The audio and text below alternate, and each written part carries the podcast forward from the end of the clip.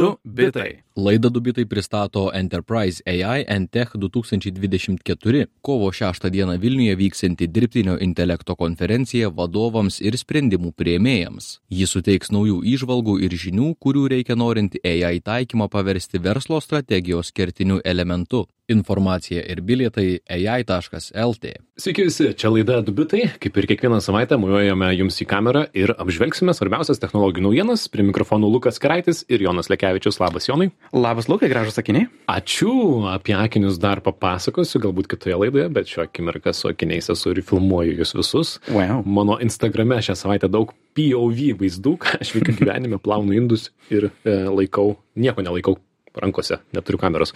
Žodžiu, kitai laidai čia bus naujiena, o šiandien turim daug naujienų, norim visko jums papasakoti.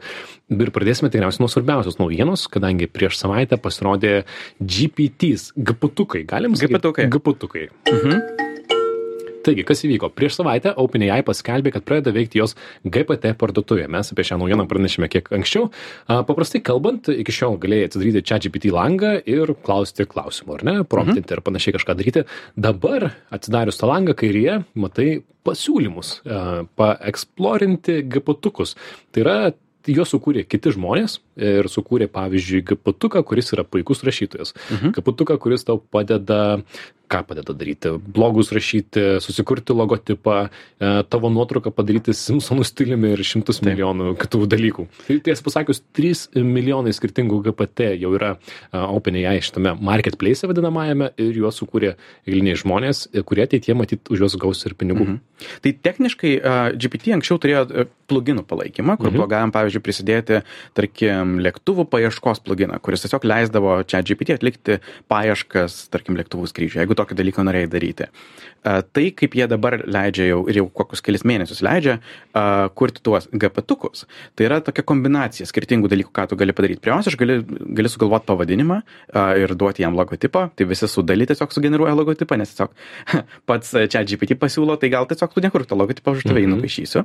Tada tu kai kuri tą gpt-uką tu gali duoti jam promptą kaip jis turėtų elgtis. Tu su- suteiki jam tam tikrą asmenybę. Ir tas padeda jam taip sakant nenukrypt nuo temos jeigu jisai žino jog jis yra automechaniko e, pagalbininko gpt-ukas tai jisai visą laiką tiktai apie tai ir bandys šnekėti. Tai čia yra vienas geras tokių dalykų. A, galima įkelti papildomą turinį. Tai pavyzdžiui jeigu tu turi nežinau kelis šimtus puslapių informacijos apie tai kaip taisyt mašinas e, tai tu gali tą turinį įkelti ir tuomet gpt-ukas teoriškai galės jį išnaudoti savo reikmėms.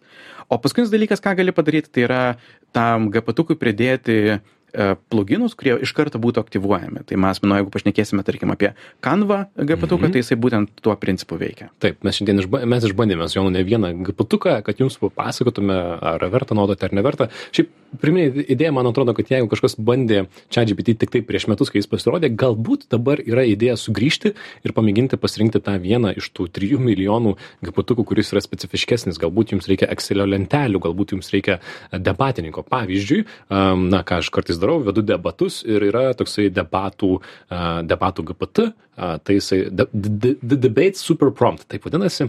Ir geriausias iš debatuojančių, pavyzdžiui, sakau, padepo, de, padebatuokime apie um, end-to-end encryption, tai yra nuo galo iki galo šifravimą. Ir jisai leidžia iškart klausia, o iš kokių pozicijų kalbėsim? Jisai pasiūlo gal iš Benjamino Franklino ir Karlo Markso, sakau, na, gal duok alternatyvų. Please give me alternatives. Jisai duoda dar daugiau autorių, pasirink, kurios nori ir prasideda debatai. Kas yra super, nes man susiaurina pasirinkimų lauką ir aš galiu šiek tiek, na, aiškiau. Ir iš tikrųjų geri tie, tie gipatukai, kurie užduoda klausimus prieš generuodami, jie tavęs perklausia, jie tau padeda tikrai. Pats e, čia GPT OpenAI kompanija yra oficialiai išleidusi nemažai šitų tokių eksperimentinių pavyzdinių GPT-ukų. Um, aš panašiai išbandžiau dėrybų uh, GPT-uką, kuris atlieka du veiksmus. Jis veikia kaip toksai dėrybų partneris, kuris simuliuoja kitą pusę ir yra visai įdomu išbandyti tam tikras dėrybinės pozicijas, prasimuliuoti, pragyventi tam tikrą dėrybų etapą ir taip pat jisai visai įdomiai gali e, tiesiog realiu laiku tau duoti atsiliepimus, sakyti, aha, čia, jog pasakai šitą yra gerai, tai jog pasakai šitą yra susilpina tavo poziciją. Tai yra tokių tikrai įdomių simulacijų, kurias gali išgyventi. Per... Taip. Svarbu paminėti galbūt, kad visa tai yra prieinama su mokama versija. Šią akimirką, a, manau, kad greit kažkurio metu tikriausiai tai bus prieinama, gal, gal ir nemokamai, mažų mažiausiai išbandyti, tai nes mūsų yra išbandyti, kas tai veikia, kas neveikia. Ir dar pavyzdžių, ką mes išbandėme. Na, Ir dar kitas dalykas, Aha. ne tik mokama versija, bet yra labai apribota, kiek žinučių gali išsiųsti per valandą, nes jis veikia ant GPT-4 pagrindo. Tai mes abu, Taip. bandydami, susidūrėme su tą sieną, kur įsivažiuoja, užsišneki su gapatuku ir tada sako, dabar pusvalandį palaukite, atvėskite ir teskite vėliau. Kas šiaip užnisa, nes tu net nežinai, kada tu sustosi, galėtų būti kažkoksai lentelė, kur matai, kad toj pasieks ribą. Na, bet kokių tų gaputukų yra? E, Logo generatoriai. Bandai logo, logo generuoti, Taip, ne, Jonai? gana prastai veikia, tiesą Mhm. sakant, nes um, vėlgi dauguma šitų gapatukų jie tiesiog um, arba pamodifikuoja dalį promptus uh, ir jeigu tu savaime jau žinai, kaip teisingai išnekėti su dalį, tai tiesą sakant, daugeliu atveju gali pats uh, geriau gauti mhm. rezultatą ir aš manau, man šitie sakant buvo bendro įspūdžio toksai uh, bendrai, ką pajaučiau šnekėdamas su šitais gapatukais, tai yra, jog um, na tai tikrai nėra labai įspūdinga. Daugeliu atveju yra dauguma tas pats čia GPT, gal tik tai su keliais laš, lašais kažkokio skonio užmesto. Taip, pritariu tau bendram, bendram tokia nuotaikai. Man visgi atrodo, kad čia koks nors, na, vienas procentas žmonių, du galbūt atras kažką specifiško, kas jiems gali tikrai padėti. Na, pavyzdžiui, a, man buvo įdomu rasti gaputuką, kuris yra Car Mechanic, Your Auto Repair Advisor. Tai yra a, automobilio mechanikas, kurio mhm. gali paklausti sus- klausimų apie automobilį. Na, aš, pavyzdžiui, paklausiau a, rū- rūdys ant, ant stabdžių disko, ar tai yra blogai. Ir jis sako, na, tai nėra, nebūtinai yra blogai ir panašiai. Ir galima, iš tikrųjų, aš net galbūt įsivaizduoju autoservisą, kur tu, tu tvarkai automobilį ir su Bluetooth ausinėmis galbūt gali kalbėtis, ar ne, per JetGPT, kur klausi, ei, čia Volkswagen šitame tas ir tas neveikia. Mhm. Galiu sujungti tą ir tą. Tai įd- įdomu, kūrybiška. Kažkam tai bus naudinga ir jis labai populiarus, tarp kito šitas Car Mechanic, tai gal ir neblogai mhm. veikia. Uh, kas dar, ką dar išbandė? Keletą išbandžiau, e, išbandžiau e, šitą ekrano vaizdo nuotrauką, screenshotą į kodą pavertimą. Mhm. Tai kaip ir galima tikėtis, tikrai nestebuklas. Dauguma aš galbūt atkūrė tinkamus elementus, bet jie netrodo visiškai taip, kaip tikrame puslapyje. Tai programuoti dar visiškai nepakeičia. Vienas, kuris man suveikė ir tikrai gerai suveikė, buvo diagramų generavimo e, gapatukas, mm. kur tu gali pasakyti, pavyzdžiui, sugeneruok man diagramą, kaip veikia, tarkim, interneto užklausa. Ir jisai turi, aišku, visą supratimą apie tai, kaip veikia internetas ir turi gerą supratimą apie tai, kaip veikia diagramų įrankiai ir diagramos nupaišė teisingai, be klaidų, tai tas buvo geras išnaudojimas. Mhm. Aš ir bandžiau, pavyzdžiui, All Trails e, tokį gapatuką, kuris neva turėtų padėti rasti mažiau žinomus pasivaikščiojimų takus. Tai sakiau, kas yra aplink Vilnių, sakė, e, sus, na, žodžiu, Aurora išmetė ir niekas neveikia. Tai toks nusivylimas, nors Išeik super populiarus. Tai nors super populiarus, ar ne? Uh, iš įdomesnių išbandymų vadinamasis konsensus gapatukas, jis populiarus, jisai informacijos ieško vien moksliniuose tyrimuose, kas yra puiku. Man atrodo, jeigu norim daryti tyrimą mažą, tai ten tikrai galima pradėti. Papasakau, paprašiau papasakoti apie dirofilariją, kir, kirmelių paplitimą ES. Čia man įdomi tema šią savaitę. Kas norite apie šią, šį baisumą sužinoti, pa, pamėginkite pasiaiškinti. Bet, žodžiu, jis parodo tyrimus ir šalia yra šaltiniai, kas yra puiku į tyrimus, nes kitaip visa būtų beprasmiška. Mhm. Paprašiau sukurti žemėlapį, kur yra paplitę, paplitęs šios, šitos kirmelės, sukūrė visiškai nesąmoningai iš kokio kompiuterinio žaidimo, kur ten ant Baltarusijos, Italija ir panašiai. Aha. Aš sakiau, parašiau jam labai blogai. Padaryk iš naujo, padaryk tikslų ir padarė gerą. Wow, ok. Taip, na, tiesiog padarė žemėlapį, kur taškų sudėjo Vokietijos, Lenkijos panašiai, tai, na, tas, kas buvo tikslu. Tai, bet naudingas. Ja, Aš Mhm. manau, tikrai naudingas studentams, pavyzdžiui, ir ieškoti, kas apie tai kalba, kokie yra naujausi tyrimai, mm, puiku. Kalbant apie moksleivius studentus, e, topė, nes e, OpenAI taip pat pateikė, pateikė populiariausių GPTukų topą, gali pažiūrėti, ką žmonės naudoja. Antroje vietoje buvo taip pavadintas Humanizer Pro ir jie oficialiai sako, jog tai mes nesame kažkoks labai protingas įrankis, mes tiesiog gali įklijuoti mums savo GPT parašytą tekstą ir mes padarysime, jog AI atpažinimo įrankiai net pažintų, jog čia parašyta čia GPT. Taip. Tai žmon, suprantama, ką žmonės naudoja. Taip, kas galima suprasti, nes neišėjo antraštė ir naujiena, ar ne, kad Amazon dabar nuėjus į Amazon internetinę svetainę e, Junktinėse valstijose ir įrašius, aš negaliu įvykdyti šios užklausos, gausi gausybę produktų sąrašą, kadangi kažkas kuria automatizuotai tokias apgaulės, kur tiesiog kuria produktus, kuria jų nuotraukas, tai yra automatiškai dedama ir ten, pavyzdžiui, produkto nuotrauka, produkto pavadinimas vadinasi kaip OpenAI chatbotas negaliu to sukurti ir kėdės nuotrauką. Kas tai pirksi, greičiausiai gausi kėdės nuotrauką ir būsi apgautas. O dar galiu paminėti mūsų pačių, band, mano paties bandymą sukurti mūsų dviejų bitų gapatuką.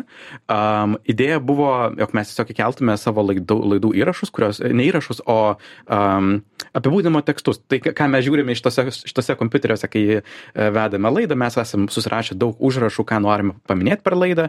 Tiesiog sukėliau visų mūsų laidų arti 2 megabaitų teksto uh, informacijos ir tikėjausi, jog būtų galima tiesiog paklausti, pavyzdžiui, kurioje laidoje mes šnekėjome apie 15 iPhone. Taip. Ir tiesą sakant, rezultatai buvo tragiški. Jisai visiškai neklausė nei mano promptų nurodymų, jog, pavyzdžiui, aš pa- paminėjau, jog mes niekada neturim svečių, neišsigalvok apie svečius.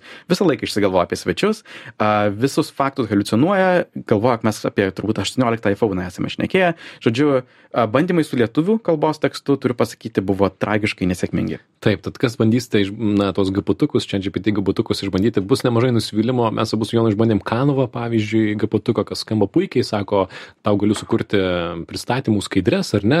Ir pamėginau tai padaryti apie penkias svarbiausias datas dirbtinio intelekto vystymę. Su pradžioj sugeneravo, nustebau, visai neblogai, gauni nuorodą iš karto į skaidrės, bet jisai negali jų redaguoti. Jis tau tik tai siūlo, kaip redaguoti jas pačiam. Na tai kas, yra, žinai, lazy robots. Arba, pavyzdžiui, video kūrintis video GPT by Vid tokį išbandymą bus su Jonu, sugalvoju čia prom, promo video apie dantų kliniką ir galvoju, kad jis galbūt sugeneruos, tai ne, jisai suklijuoja iš tokių super, super nuobodžių vadinamųjų stokinių video kažkokį ir užrašo, kas tokiam, na, super nuobodžiai reklamai galbūt. Atsibosta per pirmas penkias sekundės. Taip, tai žodžiu, kas bandysite, sėkmės, netgi yra gaputukas, kuris yra skirtas gaputukų atradimui. Taip. Ten užtrukti galima labai ilgai, bet jeigu turite kažkokią specifinį užduotį savo darbe, su PDF-ais yra daug įrankių, tai vis tiek yra šiek tiek lengviau negu tiesiog klausyti čia GPT, nes žinai, kad tas gaputukas bent jau liks vienoje temoje, ar ne? Mhm. Bent tiek, aš manau, tiek Taip. galime duoti. O temai užbaigti aš noriu tokią kitą naujienėlę apie OpenAI dar paminėti, um, nesusijusiu su gapatukais, bet susijusiu su OpenAI. Tai uh, praeitą savaitę OpenAI be jokio naujienų paskelbimo pakeitė savo naudojimosi sąlygas, išėmė draudimą naudoti jų technologiją kariniais tikslais. Ir konkrečiai iki šiol buvo galima draudžiama naudoti uh, produktus kurti ginklus ir karyboje. Tas bendras li- draudimas, pavyzdžiui, kurti ginklus vis dar egzistuoja, tačiau bendras draudimas naudoti karyboje dingo ir štai uh, už vakar, tai uh, šios savaitės pradžioje pasirodė informacija, jog OpenAI dirba su Pentagonu kurti kibernetinės erdvės saugumo programas.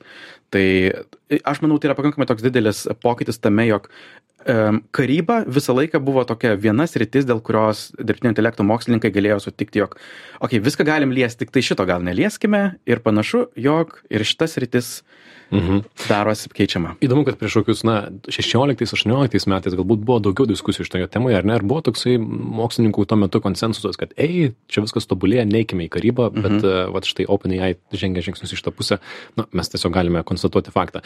Ir žinių radio klausytėm priminsime, kad girdite laidą Dubitai, kalbamės apie naujieną, e, minėjome gaputukus, tai vadiname naujosius GPT. Um, kaip, kas, kas tai yra GPT? Kas? GPTs. GPTs, ar ne? Nėra ten pavadinimo, tai yra na, OpenAI parduotuvėje prieinami, a, pavadinkime, promptinimo modeliai, sukurti tam tikri veikėjai, su kurie, kurie duoda, leidžia išbandyti klausimus tam tikroje srityje, pavyzdžiui, tekstų rašytojas ir panašiai. Tai žodžiu, jeigu norite išbandyti, manau, manau verta, jeigu kažką atrasite, kažką, į- kas labai gerai veikia ir jums uždirba pinigus, ko visi nori, tai pasakykite ir mums, pasidalinsim su visais.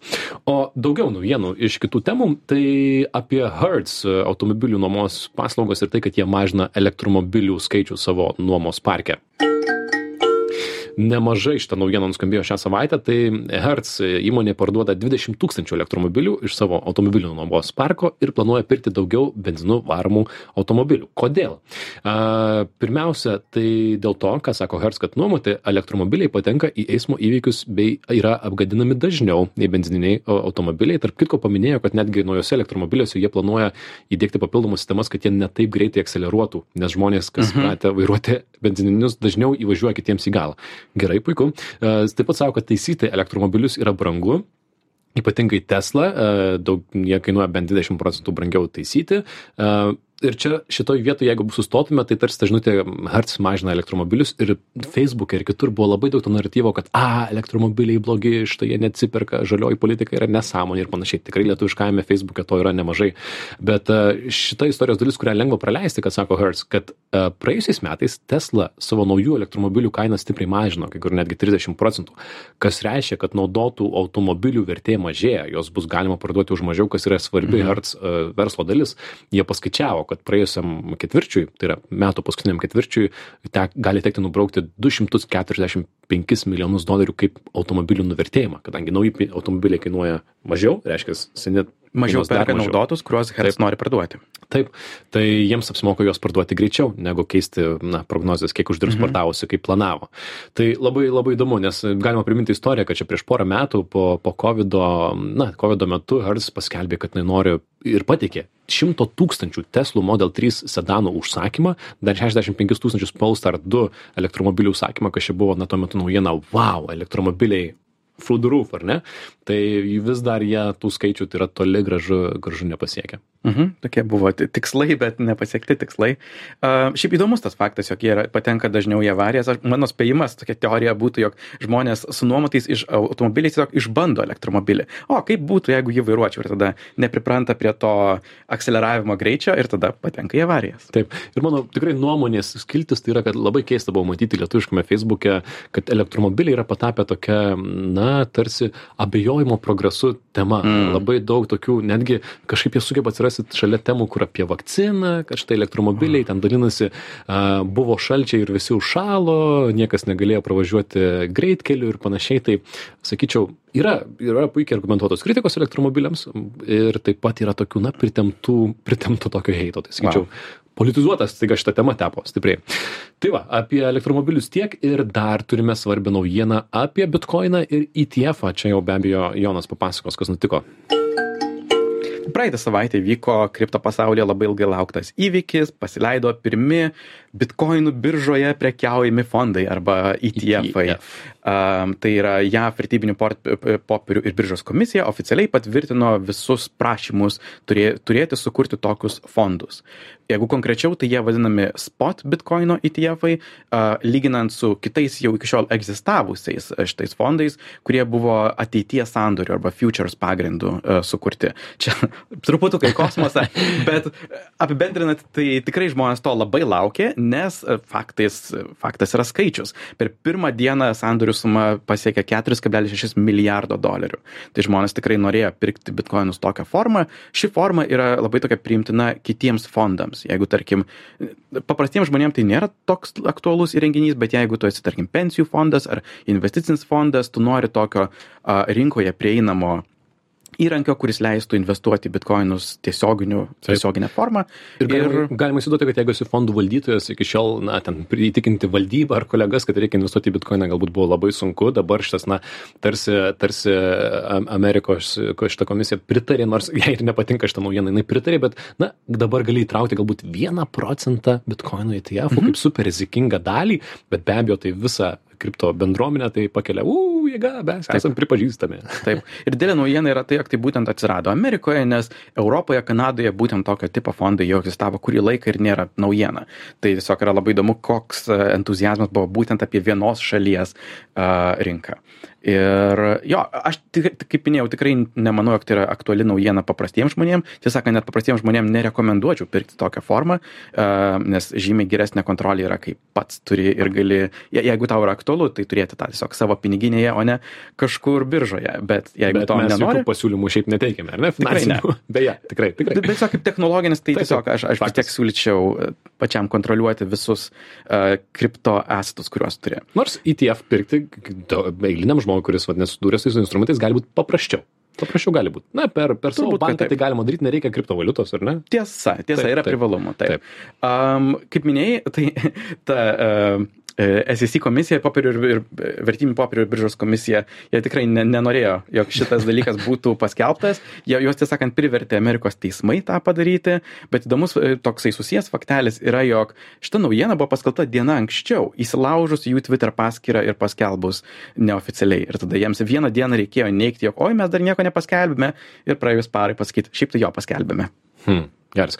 Tai kas, tai čia tiesiog paaiškina šitą naujieną tikriausiai, kodėl dabar vėl buvo kalbama šiomis savaitėmis apie bitkoino kainą, ar ne? Ir tai yra tam tikras mažas žingsnis bitkoino legitimitizavime, ar ne? Šiek tiek tai yra žengta į tą pusę, nes dabar jį galima įtraukti į, na, į portfelį, tarp, ten, nežinau, aukso sidabro ir vertybinių popierių gali turėti per ETF ir bitkoiną.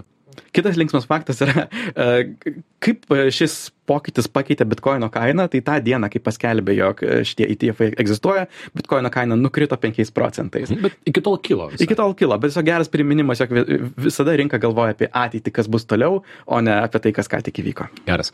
E, Gerai, tai čia tiems, kas yra finansų, finansų bros, jie viską automatiškai žinojo, kitiems galbūt įdomu taip pat išgirsti, kas vyksta. Dar porą naujienų galbūt tilps, tai apie Valve, ar ne? Pakalbam, Valve AI. Taip, nedidelė naujiena. Valve kompanija, kuriai priklauso Steam, didžiausia kompiuterinių žaidimų pardavimo platforma, ypač kompiuterinių žaidimų personaliniuose kompiuteriuose, jie paskelbė, jog priemė naujus reikalavimus dėl dirbtinio intelekto naudojimo žaidimuose ir kaip tai turi būti komunikuojama.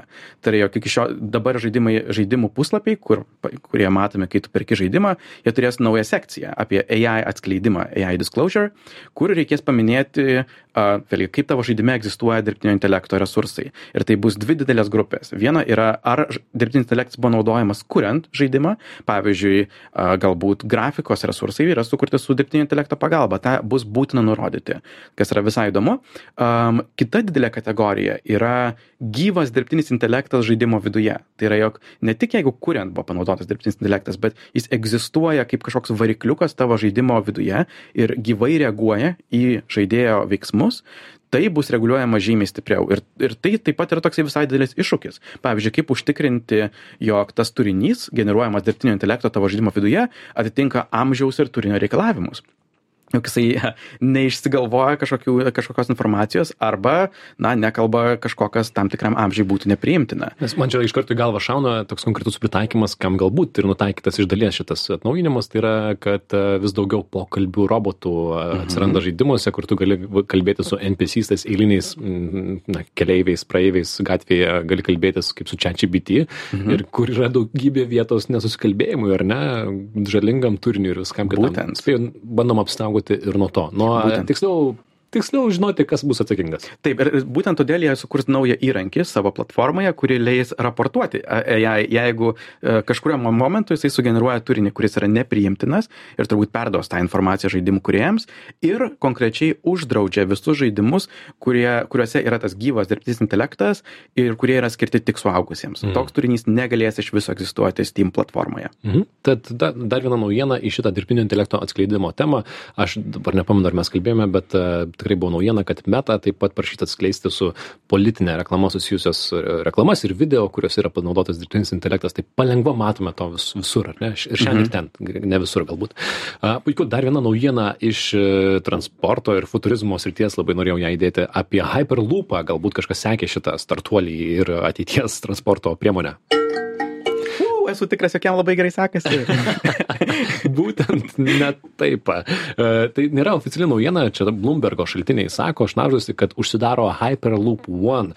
Kas neatsimnate, kas tai buvo, tai yra futuristinė transporto priemonė, kuri e, vamzdžiuose turėtų tokias, na, mažus traukinius, kuriuose keleiviai ir kroviniai iš vieno miesto, miesto į kitą keliautų lėktuvo greičiu, tai yra, kiek ten, 760 mylių per valandą, greičiau Wow. nei 1000 km per valandą greičiu, tai skirta keliauti tarp miestų. Ir em, 2014 metais buvo įkurtas šitas startuolis, iš jų surinko beveik pusę, m, 450 milijonų dolerių. E, Viziją pristatė Elnas Maskas, kuris vis dar yra už šio, šio, šio projekto, nors dabar jis jau taip jau apie jį tyli. Bet jo nekalba. pažadai visada išsipildo. Eik tu, jo, taip tikrai. Koksai geras pavyzdys, pavyzdys, na, pažadas. Levituojantis traukinys vakumo vamzdžiuose virš žemės, e, skrendantis greičiau už, už Boeingą, ar ne? Ir tai reikštų, kad reikėtų ištraukti 99 procentus oro iš vamzdžių, kuriais jie keliauja. Reikėtų pastatyti tuos traukinius, na, virš greitkelių. Ir viename tame kabutėse traukinėje telpa vos 28 žmonės. Na, bet teoriškai tai turėjo leisti tarp Los Andželo ir San Francisco nukeliauti per 45 minutės. 2000 tais dvidešimtaisiais metais jau vyko maži testai su žmonėmis tas haipas vadinamasis buvo vis palaikomas jau buvo išbandyta maža trasa kuri vadinosi virgin hyperloop one nes brensonas į tai investavo paskui jisai pabėgo iš to. Bet e, projektas turėjo daug problemų dar be to kad turėjo problemų ir su va vadovais kurie įsitraukė įvairius skandalus suimti dėl kitų verslų ten dauguma atrodo um, vadovų ir vadybininkų.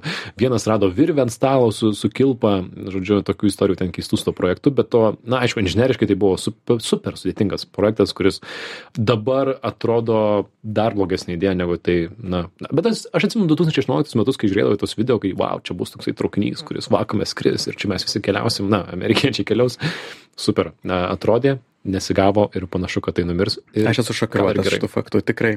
Tikrai, na, bet, Ne, aš juokauju. bet, bet ar būtum prieš penkis metus nus- pasakęs užtikrintai, kad tai nevyks? Šiaip aš tikrai palaikiau, net vos pirmą savaitę, kai išėjo ta idėja tokia, nes tu supranti, kai, koks tai yra dalykas, koks didžiulis ir kiek jis yra jautrus vibracijoms ir wow, taip, praktiškai taip. neįmanoma realybėje tą padaryti. Taip, ar Boring Company bus sekanti, ta, kuri kasasi po žemę? Kaip manai? Čia gal sunkiau susi, susi, sugriūti, bet, Aš, e, na, sakyk, bet nežinau, kam to reikia. Nėra laiko spėk. Nežinau, e, ne, manau, kad dar penkis metus egzistuos. Čia Aš manau, nieko nedarys. Po trijų bankrutuos. Mūsų Okay. spėjimai tokie. Viskas, turim baigti laidą. Uh, dubitai laidą girdėjote, kaip visuomet mūsų šaltiniai dubitai.com, žiniųradijas.lt ir Spotify visi įrašai. Čia buvo Lukas Kraitis, Jonas Lekevičius bei šios savaitės technologijų naujienos. Sakome iki kitų kartų. Iki. Du bitai. Laidą Dubitai pristato Enterprise AI and Tech 2024. Kovo 6 dieną Vilniuje vyksianti dirbtinio intelekto konferencija vadovams ir sprendimų prieimėjams. Ji suteiks naujų įžvalgų ir žinių, kurių reikia norint AI taikymą paversti verslo strategijos kertiniu elementu. Informacija ir bilietai ai.lt.